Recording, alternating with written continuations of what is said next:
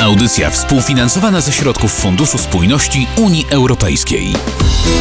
Jesteście przed trzydziestką, nie pracujecie, nie uczycie się, a chcielibyście zacząć na siebie zarabiać? Zostańcie przy radiu, a powiemy Wam od czego zacząć. Sylwia Pawłowska, witam w programie Euroflash. Nasze dzisiejsze spotkanie zaczynamy od wizyty w Krakowie, gdzie czeka już na nas pani Aneta Pater, koordynator projektu z Powerem w przyszłość.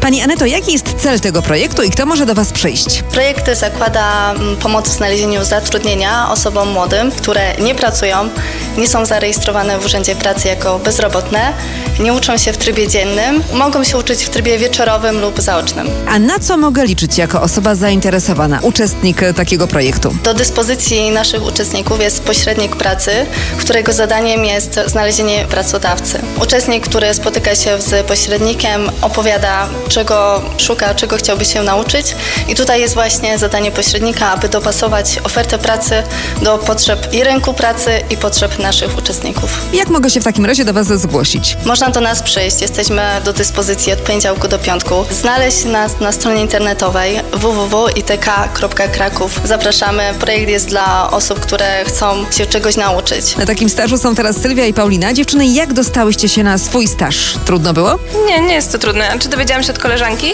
gdzie można właśnie dostać staż? Zgłosiłam się tutaj i to już wszystko się dowiedziałam. Ja akurat trafiłam do takiego e, centrum tutaj na Wielickiej, no i tam mi właśnie powiedzieli, że rusza taki projekt i tutaj można przyjść na staż dla osób młodych. A warto próbować? Warto spróbować. Pracodawca chciałby już przyjmować od razu po studiach z doświadczeniem. Można zdobyć doświadczenie. To jest właśnie duży plus, że jest oferowany staż i ten staż właśnie można odbyć i dzięki temu można łatwiej później zdobyć pracę i dalej się rozwijać. Tyle Kraków, a teraz przenosimy się do Białego Stoku, gdzie jest już Julita Magruk, koordynator projektu Opiekun w żłobku lub klubie dziecięcym. Pani Julito, kogo do siebie zapraszacie? Projekt głównie skierowany jest e, do pań, które chcą rozpocząć pracę z dziećmi, czy w tym kierunku opieki nad dziećmi. A jak zachęcacie? Co proponujecie? Są to staże zawodowe. Uczestniczki za każdy miesiąc odbywania tego stażu otrzymują stypendium stażowe 997 zł i 40 groszy. Z nami jest też pani Julia, młoda mama, która wraca na rynek pracy i obecnie jest w trakcie takiego stażu. E, Jak ta przygoda się zaczęła? Sporo czasu byłam w domu z dzieckiem. Postanowiłam rozejrzeć się za pracą. No i zobaczyłam, że jest ten projekt e, unijny. Trafiłam do żłobka Kubusiowy Raj, gdzie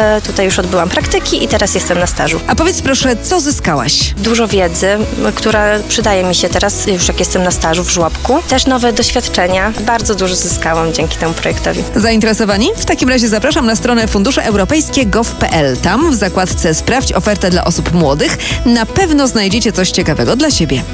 Audycja współfinansowana ze środków Funduszu Spójności Unii Europejskiej.